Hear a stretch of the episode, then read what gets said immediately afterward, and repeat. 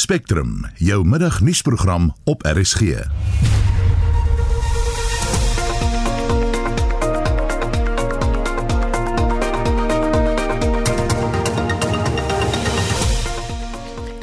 Twee, drie, die vierde nasionale sensus is in volle swang. Doesn't matter where you in South Africa, legally or illegally, we count everyone within the borders of South Africa. Eskom kan steeds nie die ligte aanhou nie. There is still a possibility that we may lose further units. Our guidance remains that we will maintain stage 2 load shedding until 5 o'clock on Monday morning. En ons vra weer of die weermag al die COVID-medisyne na Kiba teruggestuur het. Span is Justin Kennerly, Johan Pieterse en ek is Susan Paxton.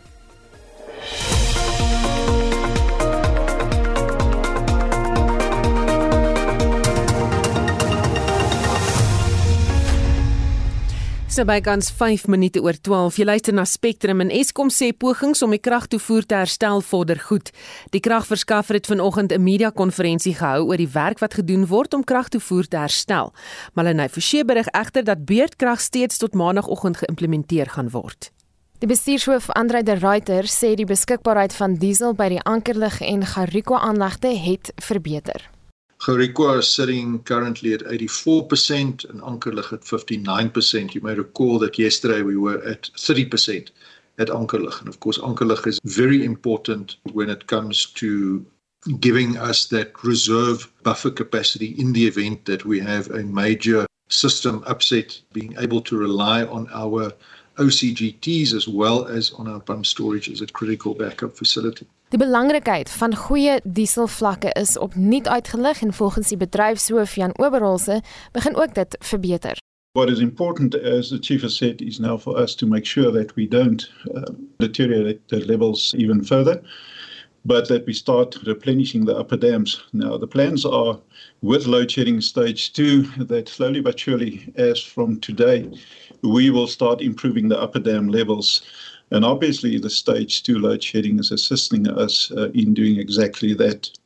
We trust that by Monday morning at five o'clock, when we start the week, that the dams will be full and that will then assist us to deal with the challenges we may have in the week to come. We also aim to have the diesel levels, specifically at Ankerlig, uh, full by Monday morning. Hy sê egter die Kusile kragstasie in Mpumalanga bly hulle grootste uitdaging. Die projekdirekteur Philip Dukashe het hierop uitgebrei. A lot of work has been done. We've changed cables, changed controllers. We've looked at many other things, but unfortunately, we still do not have a solution. So we will continue to work. Our engineers and the OEM are involved in working with that. The other unit at Kusile, it's on the boiler tube leak. We're hoping that towards the end of this week, early next week, that unit, that's unit three, that unit will be back on load.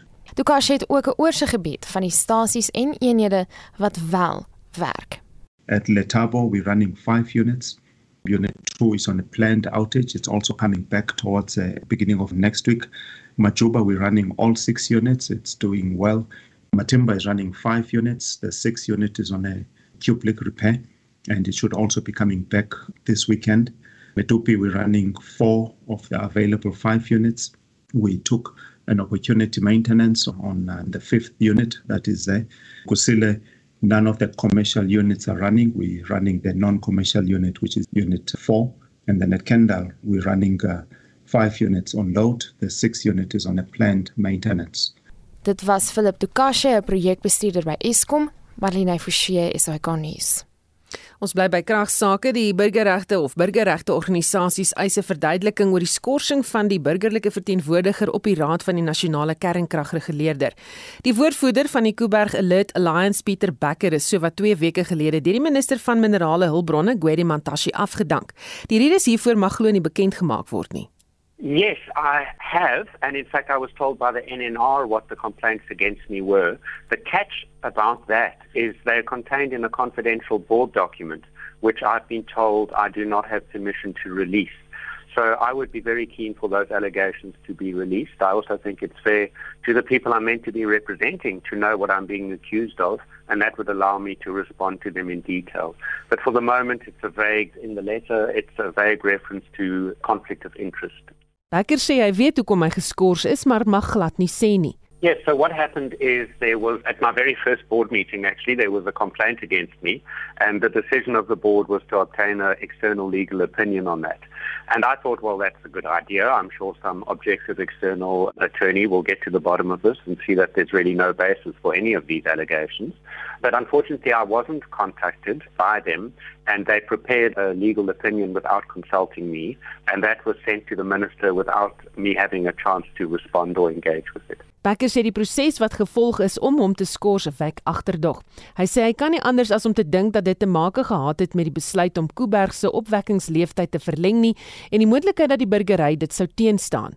You know, there, there, are a lot of big decisions going on at Kuiberg at the moment, and the steam generators got their own approval, and they are obviously linked to the life extension. If you think the plant is coming to the end of its life in 2024, spending 20 billion refurbishing it in 2022, you know, from a business point of view, one would think that that means this is aimed at the life extension. So that's coming very soon, and I won't speculate on exactly what was linked, but the timeline is interesting in that the complaint against me was July last year. The legal opinion was sent to the minister in October last year, and on the 18th of January, I'm suspended on the same day that Kuberg was shut down, one of the units for the long-term outage, and on the same day that the final formal approval for the steam generator replacement was sent. But I, I don't know of any links between those. En dit was Pieter Becker, woordvoerder van die Kuiberg Alert Alliance. Ons bly by die storie, die direkteur van die Suider-Afrikaanse Geloofsgemeenskap Omgewingsinstituut, SAFSY, Francesca De Gaspare sê, so sake nou staan dat die minister van Minerale Bronne en Energie, Gwede Mantashe, hierdie besluit geneem om die raadslid te skors sonder enige verduideliking. Sy sê hy is die publiek 'n verduideliking verskuldig. Well, I'm concerned that this is a very critical time for the nuclear power plant at Kuiberg. And as the population around Kubrick has grown, and so has safety around nuclear energy changed, plus the kinds of issues that we've been having with our power systems under ESCOM's control is a perfect mix. You know, whereas there's many more people in Cape Town now, we live much closer to the Kuberg nuclear power plant. It's due to be decommissioned, as in it's at the end of its life in 2024. So Coburg is really on its last legs. And we know that the general manager last there was last year was suspended and left. We know that one of the units was offline for over six months. And lots of things happening at Kuber that really make us quite concerned. De Gaspar sê sy is baie agterdogtig oor die hele proses. The civil society rep was suspended the very day. Apparently, he was not given access to documents of the board, and he was suspended the very day that then an approval for new these. Oh, they cost billions of rand. These new steam generators are being replaced at Kuberg. So we're very concerned about process. What is happening at Kuberg? What is the government doing? ESCOM was quoted in the press in 2000 saying we want to extend the life of Kuberg and Kuberg to operate for another 20 years. Well, the board has not, okay, we, we will bring this to public uh, attention, we will bring it to public participation to find out does the public here by Kuberg and the public in South Africa want nuclear energy as part of its energy system? We should be asked these questions, we should be consulted. And that's not happening. Instead, what's happening our rep is being removed from the board as they decide to replace some very expensive pieces of equipment there, which suggests that they're actually just going ahead with the extension of the life of Kuberg without following due process. Dit was die direkteur van SAFSY, Francesca de Casparis. Die statikus-generaal Resenga Maluleke het gister die 4de nasionale sensusopname by die OR Tambo lughawe in Kempton Park afgeskop waar reisigers wat die land verlaat het getel is. Op die voorrand van die sensus is hawelose mense, reisigers, hotelgaste en pasgebore babas in sekere plekke ook getel. The United Nations has embarked on the Agenda 2030 which then uh, says that we should leave no one behind. So we have a responsibility to count everyone within the borders of our country. And when I say this, I usually get accused of saying I encourage lawlessness. I worry about those things equally too. But as statistician general, I have a responsibility of counting everyone within the borders of South Africa, regardless of their legal status in the country. Because when they are here, they use services, they use resources, they need water, electricity, ablution facilities, and you can imagine if we were to leave them out. Statistieke Suid-Afrika se adjunkt-direkteur-generaal, Ashwell Jenneker, sê hulle wil alle mense binne die grense van Suid-Afrika met of sonder identiteitsdokumente tel. So when it comes to counting, we, we don't ask the ID numbers, and so whether you've got an ID or whether you do not have an ID, we will still count you. Doesn't matter where you in South Africa, legally or illegally, we count everyone within the borders of South Africa. So everyone that uses resources and that gets services in South Africa must get counted because local government must know how many people there are. So we're not interested in ID numbers, we're not interested in any way what your legal or any other status is. Die nie-regeringsorganisasie Iranti sê hy is bekommerd dat die sensus nie voorsiening maak vir die LGBTI gemeenskap nie. Maluleke het hulle so geantwoord. The guidelines on population and housing censuses of the United Nations indicate that the sex question is a core question. So the sex question is defined in such guidelines as what the person has been allocated to at birth as being male or female in line with the biological makeup. Whereas the gender question speaks to this issue that Iran is raising for LGBTQI people. And in this regard, if you look at the South African ID, it talks to sex stroke gender. But gender is a choice, it's not a biological makeup.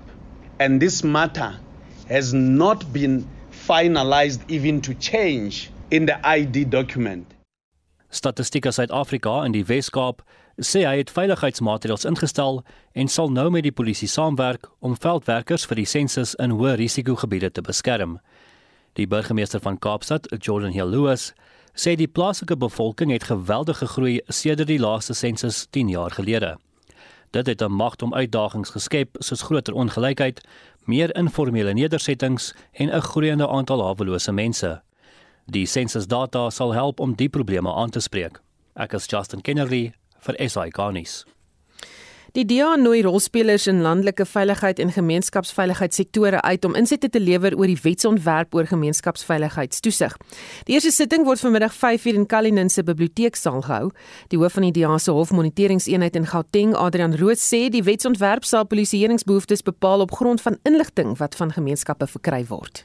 Dit is duidelik dat burgers bemagtig moet word om die polisie verantwoordig te roep uh, waar misluk in beter saam te werk diegene wat die weerloses veral in landelike gebiede wil beskerm. So hierdie wetsonderwerp dit is eintlik oor 'n whole of society approach as dit kom by uh, gemeenskapsveiligheid. Wat verwag julle uit hierdie openbare verhore? So ons gaan weer die openbare verhoor, sal plaasvind donderdag die 3 Februarie 5 namiddag by die Cullinan Library Park Hall. Men verder verhore is geskeduleer vir 8 Februarie in, in die Wesrand en die 17de Februarie in Ekurhuleni. En so hierdie uh, verhore, dis 'n geleentheid vir al belanghebbendes om insette te gee. En die hele punt van hierdie gemeenskapstoesig wetsontwerp is dat die polisie nie hierdie werk alleen kan doen nie. So in die deelbeheerde Wes-Kaap provinsie, daar's 'n veiligheidsadvieskomitee. So dit is een van die die proposals van die die wetgewing. Hierdie forum is baie insiggewend en dit is ook 'n robuuste platform vir besprekings oor die bevordering van veiligheid, aangesien verteenwoordigers uit die sake regs, sekuriteits en nuwensgewende organisasies behels. En so dit is baie belangrik vir daai belanghebbendes om saam te wees as ons kyk na hierdie uh, wetsontwerp en waar daar enige tekortkomme is en aanbevele van die publiek. Adrian, ek sien ook dat daar voorgestelde maatreëls is oor hierdie wetsontwerp. Verduidelik vir ons wat is al klaar ter tafel gelê. Die paslike maatreëls voorgestel is basies rondom toesig oor gemeenskapsveiligheid. En die hierdie wetgewing is onder die leiding van Dias Skadi, LER vir gemeenskapsveiligheid Michael Shackleton in die wetgewer. En die funksies van toesig is in gevolge die wetsonderwerp gefokus op die opsporing van patrone en praktyke van polisieoptrede, die identifisering van sistematiese mislukkings in die polisiestelsel en ook aanbevelings oor die beste manier om polisieering in in die Gauteng provinsie beter te handel. So dit maak voorsiening vir 'n holistiese benadering om polisie uh, behoeftes te bepaal op grond van inligting wat verkry word uh, in vennootskap met gemeenskappe en die burgerlike samelewing. So die wetsonderwerp versterk burgerlike toesig oor die polisie en stel 'n uh, provinsiale polisie ombudsman in om klagtes wat van gemeenskappe ontvang word oor polisie ondoeltreffendheid aan te spreek en om enige uh, verbrokkeling in die betrekking tussen die polisie en die gemeenskap te ondersoek. En die wetsontwerp stel verder 'n provinsiale veiligheidsadvieskomitee in om die Gautengse LER van gemeenskapsveiligheid te adviseer oor die monitering en toesig oor die polisie se doeltreffendheid in die provinsie en om advies te gee oor strategie, beleide, begrotings en uh, jaarlikse prestasieplanne. Dit was Adrian Roos, die hoof van die DEA se hof moniteringseenheid in Gauteng wat met Winsin Mofokeng gepraat het. Die verpleegvakbonde Nousa het uitgevaar teen die feit dat hulle lede in onhigiëniese en gevaarlike toestande in provinsiale hospitale in Gauteng moet werk. Dit nadat 'n kwartaallikse verslag deur die Gautengse departement van gesondheid toon dat geen van die hospitale in die provinsie aan enige van die standaarde voldoen soos voorgeskryf deur die wet nie. Die Gautengse voorsitter van die Nousa, Simpiwe Ganda, sê hierdie is nie 'n verrassing vir hulle nie. One example like you mentioned, how did the fire happen at Charlotte Macleod? Is precisely because there was no compliance. This is also attributed to the fact that the occupational health and safety committees in the various hospitals continue to be frustrated by management by not allowing them to sit for meetings, by not allowing them to also inspect the hospitals, by not taking serious the recommendations that they always make to say that we have noticed 1 to 3 please attend to it. Gada sê hulle wil ook weet wat van die fondse geword het wat gebruik moes word om die hospitale te verbeter tydens die pandemie. But when COVID arrived into our shores, our occupational health and safety committees were then not effective by being turned into uh, what you call the COVID-19 monitoring teams. And then when they wanted to deal with other issues apart from COVID-19, these were not considered. So it doesn't come as a concern. But also this can also be attributed where instability administratively in the department because if you had a department that would be stable, then you have a department that would be able to focus you know, on critical areas such as service delivery, ensuring that workers work in a positive environment that is conducive and that is safe. So you've got, you know, a department that is not so well balanced administrative. That is why some of these things are not attended to. Gada sê die skuld van die probleem kan nie net voor die deur van die LER van gesondheid in die provinsie gelê word nie. Yeah, it's not uh, I would not want to blame the leadership politically at the MEC level because MECs come and go. Hence I'm saying that is the issue of administrative, you know, instability. We have not had, for instance, in the last years, an HOD that would be able to come in and say, these are my plans, this is the vision, and that HOD actually be allowed to serve the full term of their contract. Also, the issue of corruption when it comes to procurement, because people, when they attend to some of these problems, you know, they go for shady companies. Dit was uh, die Gauteng voorsitter van Denousa Simpiwe Gada wat vroeër met SAK nuus gepraat het. Die enigste vroue kandidaat vir die hoofregterstoel regter Mandisa Maya sê die regbank het nie 'n beleid teen seksuele teistering en aanranding nie. Marlenae Forsie berig die president van die Appelhof sê die konstitusionele hof kan ook by die Appelhof leer hoe om die uitstel van sake te hanteer. Sy het gister aan die regterlike dienste kommissie gesê dat sake van seksuele teistering wat wel aangemeld is, nie die nodige aandag ontvang nie. The reported consequences of this gap are that the few sexual harassment incidents, which the few courageous victims, because it's not easy to report that kind of thing for various reasons, those few cases that have been reported to the powers that be have not received the attention they deserve because they are treated, if treated at all, as acts of misconduct in inquiries that take forever to finalize. Volgens haar stem die konstitusionele hof en die appelhof se werk tot 'n groot mate ooreen en kan agterstande ingehaal word met beter tydsbestuur en beter organisasie strukture. I do believe that the manner in which the SCA operates to achieve quick turnarounds for which it's well known might work there too. And my conversations on the subjects with my colleagues there who came from the SCA confirm that belief. It seems to me that what is needed in that court is good organization and time management, just working smartly, and firmly instilling the SCA culture that you do not even leave Bloemfontein at the end of the court term until you have at least prepared a decent draft judgment in all the matters heard during that term so that those matters can be finalized at the latest at the beginning of the next term. Maya, die ma van 3 kinders, het ervaring as prokureur. Sy sê egter haar vordering in die regbank kan toegeskryf word aan haar oud-kollega Dumisa Nsebenza wat haar potensiaal raak gesien het.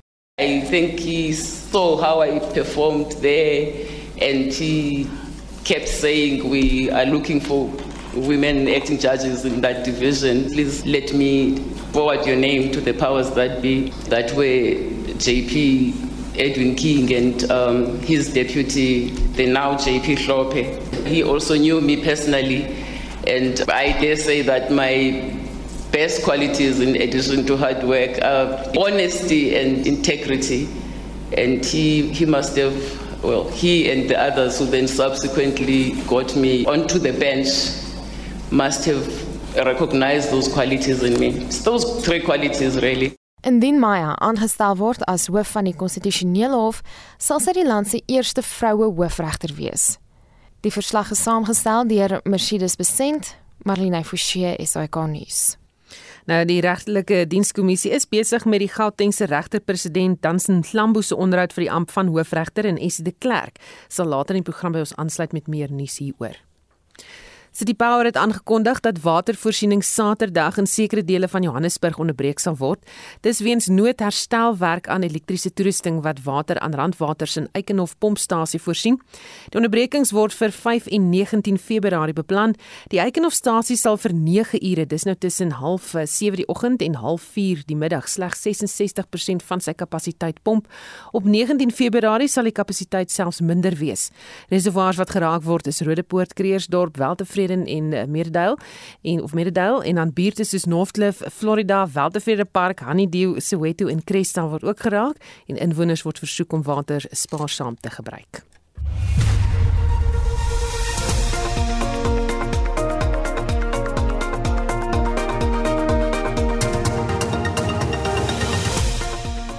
En die nuusregter Dansen Mhlambo sê in sy onderhoud vir die hoofregterpos dat beperkte begrotings 'n nadelige impak het op die regstelsel.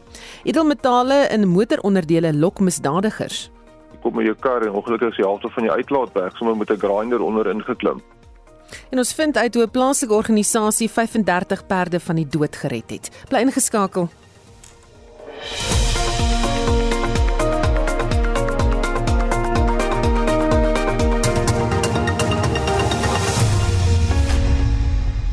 Daar is steeds onsekerheid oor of al die medisyne wat die Suid-Afrikaanse Nasionale Weermag van Kiba aangekoop het tydens die COVID-19 pandemie wel teruggestuur is.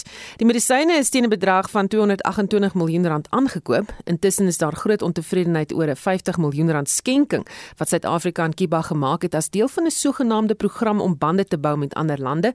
Ons praat nou met die DEA se skare minister van verdediging Kobus Maree. Goeiemôre Kobus. Goeiemôre, goeiemôre vir jou en uh, al jou luisteraars. Jou reaksie oor die sogenaamde skenking.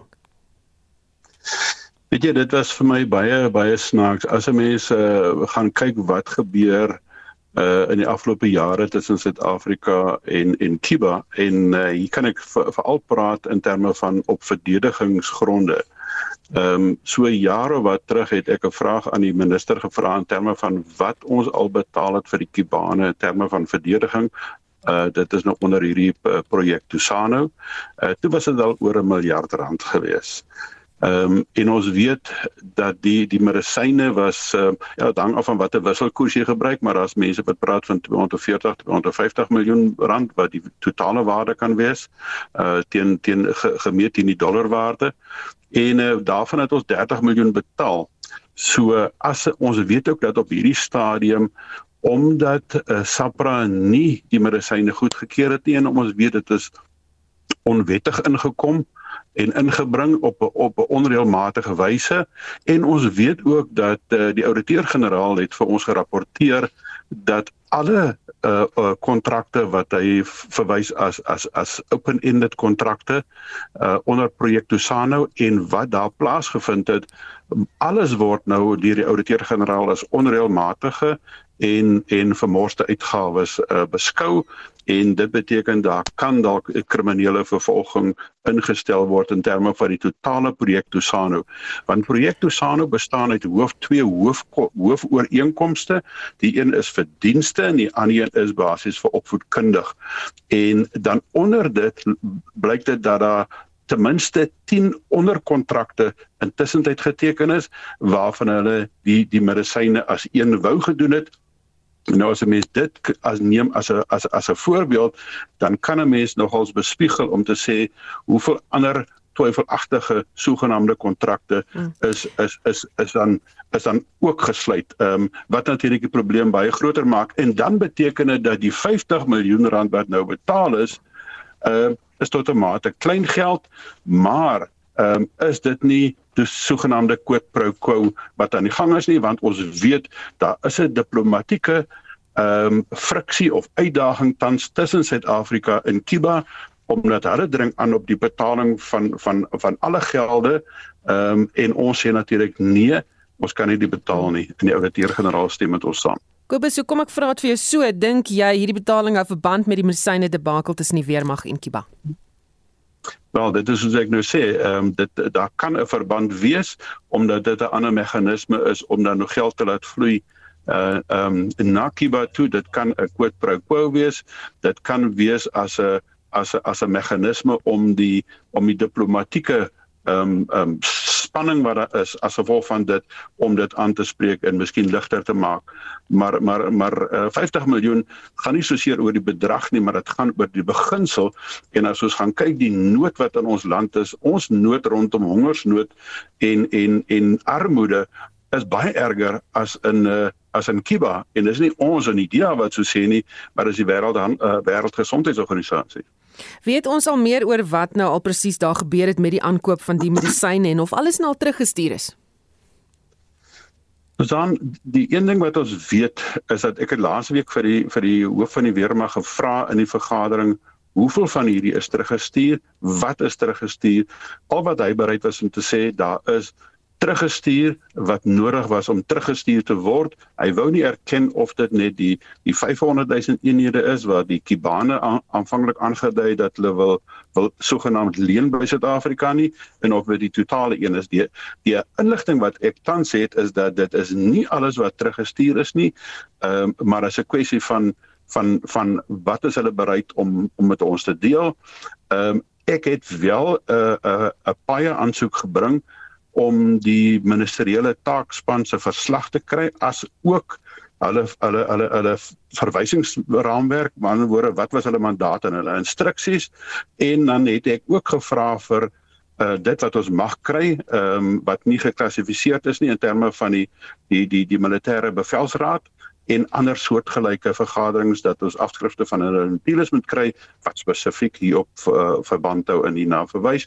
Ons het dit nog nie gekry nie, uh, maar ek wil ons ek sal nie uh, jy weet stop met dit nie. Ek weet ek word op geblok op 'n paar plekke selfs deur die komitee voorsitter ehm um, wat dit seker ongemaklik maak, maar ons sal nie stop daarmee nie want dit die die belastingbetalers moet weet wat met hulle geld ehm um, plaasvind. Baie dankie, dit was die DA skade minister van verdediging Kobus Maree. Die Suid-Afrikaanse Inkomste Diens het beslag gelê op 3 besendings van katalitiese omsetters ter waarde van 21 miljoen rand. Die besendings van meer as 2,6 ton was bestem vir Jordanië, Dubai en Brittanje. Justin Kennerly het meer. Die besending sal 'n paar wenkbroue laat lig omdat die diefstal van katalitiese omsetters 'n groter probleem in die buiteland is as in Suid-Afrika. 'n Tegniese adviseur, Nicolou, verduidelik wat die doel van die omsetters is. So 'n katalitiese omsetter kom natuurlik in die uitlaatstelsel van ons petrol en diesel voertuie voor en die rede hoekom jy hierdie omsetter in jou voertuig het is om daai skadelike emissies van jou binnebrand enjin te verminder soos wat dit deur die uitlaat gaan en dan agteruit gaan. Dit lyk baie soos uh, een van hierdie silencers in jou uitlaatstelsel, maar binne is daar 'n keramiek substraat en uh, jy sien dan gaan kyk as jy hom oopsny, dit lyk baie soos die binnekant van 'n heuningkoek. So dit al hierdie kanale en al die rede daarvoor is om die oppervlakte te vergroot wat dan nou blootgestel word aan die uitlaatgas wat deurgaan. So wat dan nou gebeur is, hierdie edelmetale wat ons van hoor, palladium, rhodium en platinum word dan gedek oor hierdie substraat maar natuurlik in baie klein hoeveelhede en dis wat die chemiese reaksie dan nou aanhelp om hierdie skadelike uitlaatgasse om te skakel in minder skadelike gasse. As ek Die edelmetale kan deur 'n raffinaderryproses ontgin en gebruik word vir die vervaardiging van juweliersware, motoronderdele sowel as wapens. Ons weet almal hoe duur is byvoorbeeld platinum. Platinum kos omtrent hier by R500 per gram. En as ons kyk na 'n moderne uh, katalitiese omsetter, is daar so tussen 3 en 10 gram van hierdie edelmetale wat binne-in voorkom. So daar's natuurlik die temptasie om dit te steel om daai edelmetale te herwin. Maar ek wil sommer net vir voornemende skelms daar buitekant sê, dit is 'n baie moeilike proses om daai edelmetale te herwin en jy gaan nooit weer die oorspronklike hoeveelheid edelmetaal daar uitkry nie. So dis eintlik nie die moeite werd nie net 'n bietjie geskiedenis. So wanneer die katalitiese omsetter begin het of die eerste generasie van hulle, was daar heelwat meer edelmetale gebruik, maar soos wat ons nou geleer het hoe die proses werk en so aan kon hulle al hoe minder van hierdie edelmetale gebruik in daai omsetter. So in daai geval is die moderne omsetter soos ek sê baie min van hierdie gram edelmetale wat daarin voorkom en is eintlik ook nie die moeite werd om dit te steel dan nie. Die diefstal van katalitiese omsetters is veral in Amerika tans 'n reuse probleem. Die omsetters kan verkoop word vir tussen 1500 en 4500 rand elk. Ons weet van Europa en Amerika waar jy kom met jou kar en ongelukkig is die helfte van die uitlaat weg, sommer met 'n grinder onder ingeklim. Suid-Afrika is daar nie regtig 'n mark op die oomblik vir hierdie tweedehandse omsetters nie. Daar's ook nie, soos ek sê, die proses waar die edelmetale herwin word kom nie in Suid-Afrika voor nie. So in my gevoel is in Europa en Amerika daar's 10 teen 1 uh, herwinningseenhede of fabrieke vir hierdie tipe produkte en dis word gesteel en 10 teen 1 daartoe vervoer en dan verkoop. Nou Suid-Afrika is daar nog nie hierdie mark nie. In Suid-Afrika kry ons meer die geval dat jou battery word deesdae uit jou kar uitgesteel vir die lood want daar's stedelike afsetmark daarvoor. Maar daarom in Suid-Afrika ten minste het ons nie so groot probleem nie. Onthou ook Suid-Afrika is maar hierhou 2 emissievlak. So ons katalisators wat ons hierso het is nie op dieselfde vlak as as Europa en in Amerika. Die inkomste diens het ook beslag gelê op fyngemaakte poeier wat uit die kern van hierdie omsetters onttrek is. Hulle beweer die poeier word in die vervaardiging van dwelms gebruik. Lou sê hy twyfel of dit wel die geval is. Die fyn poeier maak dit net makliker om die edelmetale te ontgin. Ek is Justin Kennerly vir SI Garnis. 'n Trop wilde perde is vroeër die week gered nadat die Oranje rivier in die Noord-Kaap in vloed was. Die perde was vasgekeer op eilande in die rivier en ons praat nou met Mark Ward van die Have a Heart Perde Toevlugs uh, Toevlugsoord. Goeiemôre Mark. Goeiemôre, hoe gaan dit? Met my gaan dit goed, maar vertel ons bietjie van hierdie perde. Waar presies was hulle? Hulle was in die middel van met daar was uh, baie eilandjies tussen uh, Namibia en uh, Alexandra Bay en hulle maar is klein eilandjies waar die eienaars hulle daar los um, of uh, veiding deur die dag. En nou met die vloed het hulle almal vasgesit in hierdie klein eilandjies, maar basies die water was tot by, by hulle bene gewees. En hoe het julle toe net te werk gegaan om hierdie perde uit hierdie vloedwaters te red? Ja, dit was 'n groot die grootste rescue vir my my loopbaan sover. Ehm um, ons moes uh, die NSRI het ons uh, uh, kom help met uh, baie uh, uh, nice ouens van Namibia met hulle bote. So ons moes drie bote ingevat het en ons moes hulle van eiland na eiland laat swem tot ons hulle by die groot eiland, dit is baie groot eiland, maar hulle moes vir omtrent 2-300 meter geswem het daardeur en soos julle seker op die video's gesien het, die een filletjie het amper verdrink, so ons het haar in die boot ingetel en vinnig uh, na die kant toe gevat en die res uh, gered so aan. Maar almal is daarin veilig. Sjoe, wat wat van die grootste uitdagings in hierdie hele proses? Ek ek dink omdat jy nie weet wat 'n perd gaan doen nie. Uh, dit is baie moeilik om 'n plan bymekaar te sit en almal het planne en en jy kyk die dag voor en jy sien hoe staan die perde en stres en hulle wil so graag net veilig wees en jy moet jy weet jy kan nie net ingaan en 'n uh, onsuksesvolle plan doen nie. Jy moet alles alles met veiligheid vir die, vir die perde en daar's so baie babatjies wat 'n maand oud was. Uh, jy weet hulle is nie sterk genoeg om teen daai stroom te swem nie. So die grootste uitdaging ek dink was vir die babatjies om hulle bo water te hou dat die stroom hulle nie afvat see toe nie. So ons moes gekeer het en en seker gemaak dat die stroom die reg uh, reg vir ons saam met ons gaan en ons teen die water moes ons um, met die bote dit was ook baie baie moeilik geweest. Sjoe, en wat het toe nou van die perde geword? Hulle is nou jy's op die groot eiland. Ons kan hulle dis nog nie veilig genoeg om hulle land toe te bring nie want ehm um, die die babatjies is heeltemal hulle was te moeg geweest. So hulle is op die groot eiland en ons is besig om hulle kos oor te dra met bote en so voort uh, laat hulle daar bly tot die water sak.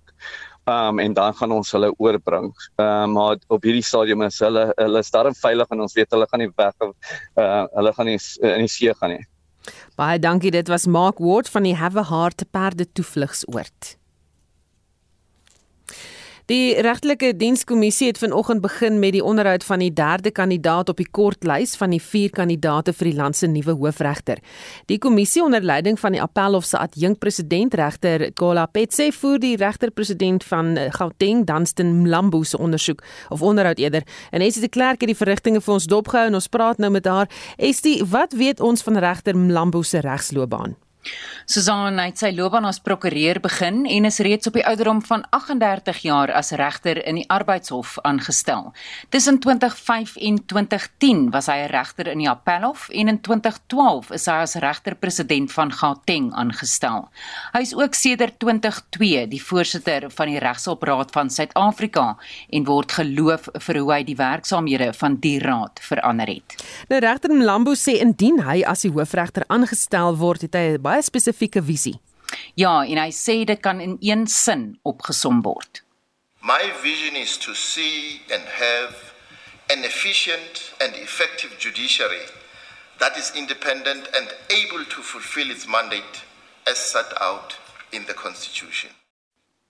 Hy het die visie van hom onderskryf deur te fokus op sewe pilare, waarvan die eerste sigbare leierskap is, iets waarvan hy sê sy rekord reeds spreek en waarop hy sal voortbou. Regter Petse het hom vroeër daaroor uitgevra. I found that visible and present leadership goes a long way in instilling confidence in members of the bench. Do you at all subscribe to the principle that a head of a court is just a leader amongst equal, in effect. Equals.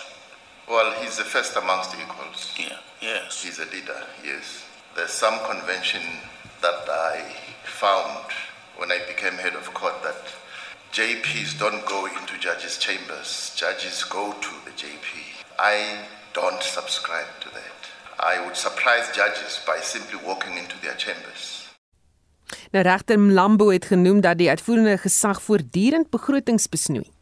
En dit sê hy het 'n nadelige impak op veral die regshulpraad en ander belanghebbendes van die regbank wanneer personeel besnoei moet word.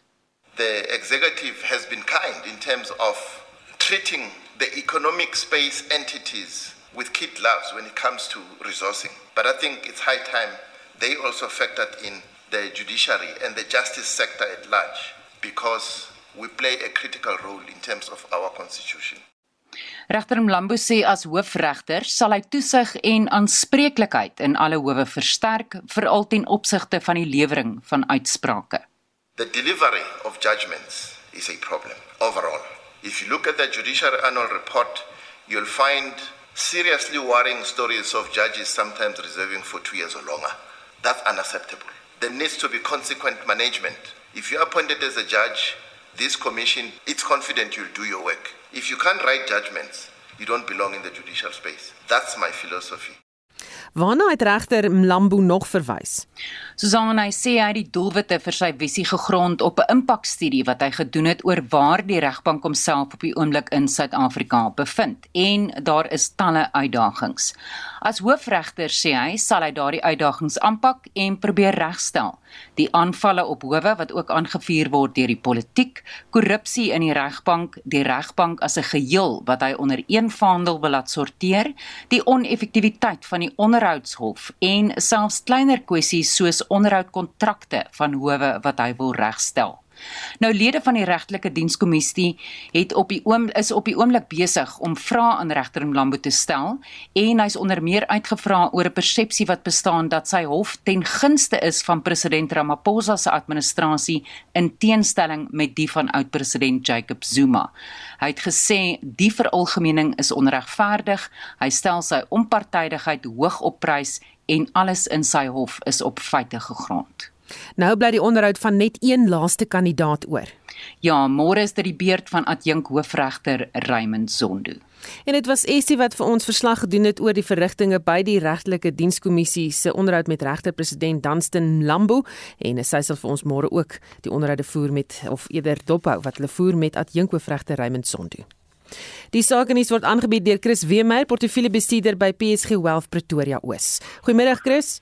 Goeiemôre Susan, vandag sien ons op die beurs aanvanklik 'n sterk loopie, maar kom so 'n bietjie terug die algehele indeks nou 0,3% hoër op 75412. Hy was hier oor die 75800 vroeër vanoggend. Ons sien die nywerheidsindeks uh, marginaal laer, finansiële indeks 0,3% hoër en die hulpbronne nou 0,9% sterker. Ehm um, vroeër vanoggend het Sanlam en Santam net gesê dat hulle in gesprekvoering is met Allianz oor hulle Afrika besighede en dat uh, beleggers moet versigtig wees met die verhandeling van hulle aandele. Sanlam se prys egter nou so 0,4% laer op 62.52 en ons sien Santam se prys nou onveranderd op 276 rand 51. Ander maatskappye wat die oog vang vandag, Discovery 1,6% hoër 158 rand 92 sien Netbank 'n persent sterker op 195.05 en dan ook Standard Bank 0,8% hoër, Absa tans 0,6% sterker. So die banke wat goed vertoon vandag en dan van die swaargewig mynbeaandele Glencore se prys 0,7% hoër. R83.39 en die Pala Platinum se prys 0,6% hoër op R125. 62. Uh internasionaal sien ons net 'n uh, bietjie senuweeagtigheid oor uh, in Brittanje en in Europa die uh, sentrale banke daar gaan vanmiddag vergader en uh, rentekoerse is maar 'n probleem op hierdie stadium met die hoë inflasie wat opwaarts neig. In Londen die FTSE nou 0, uh, hy sê 0,1% swakker, in Frankfurt die DAX 0,6% swakker en in Parys is die kyk nou 0,3% laer. Die rand ook vandag swakker op R15.37 vir 'n vir 'n dollar. uh, Euro kos hier nou R17.32 en 'n pond R20.80. Die goudprys sterker op 1803 dollar per fyn ons, platinum op 1027 dollar per uh, per ons en die Brent olieprys tans op 89 dollar 19 per vat. Dis al van my kant af vandag baie dankie. En dit was Chris Weemeyer, hy is portefeuljebestuurder by PSG Wealth Pretoria Oos.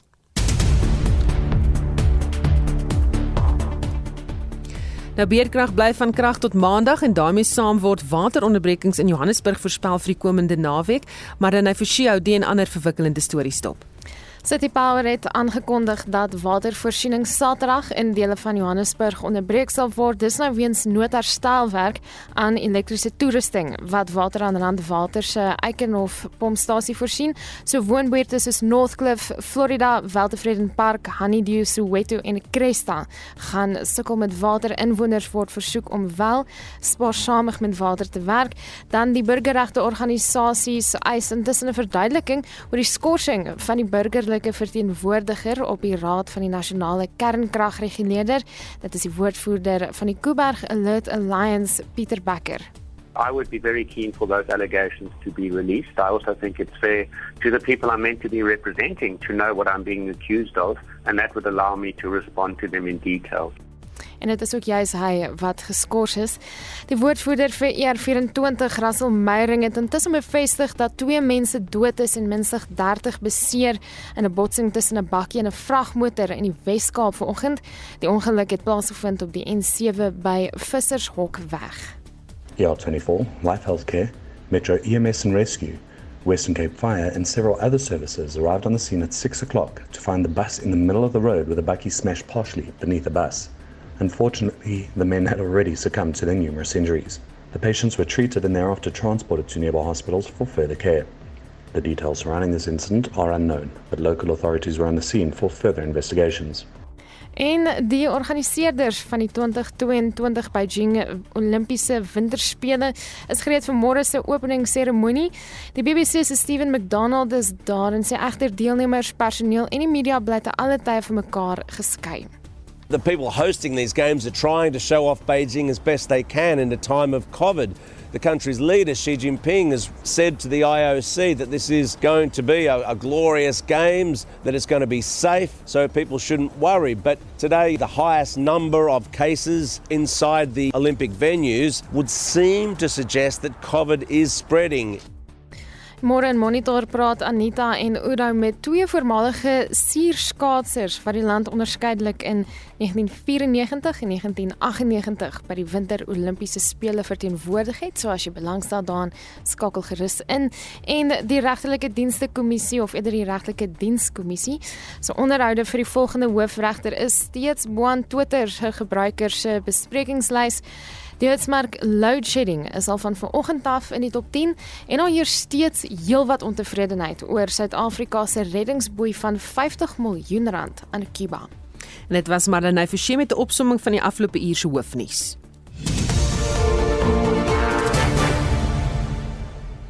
In 360 net hierna staan baie interessante dinge waaroor hulle gesels onder meer oor die gebruike van alge en dan het jy geweet dat Loof die Here se program nou al 50 jaar is. Dis nou al hoe lank hy op die lug is. Dis nogals lank. So daar gaan gesprek daaroor ook wees. Soos jy dit wil hoor, moet jy inskakel op 360 net hierna.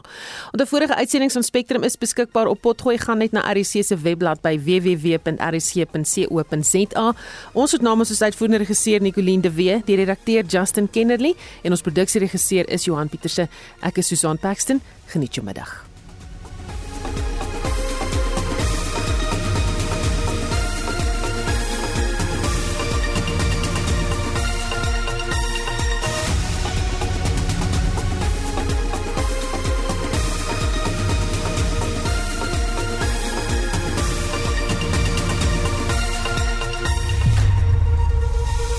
SAK nuus. Onafhanklik, onpartydig.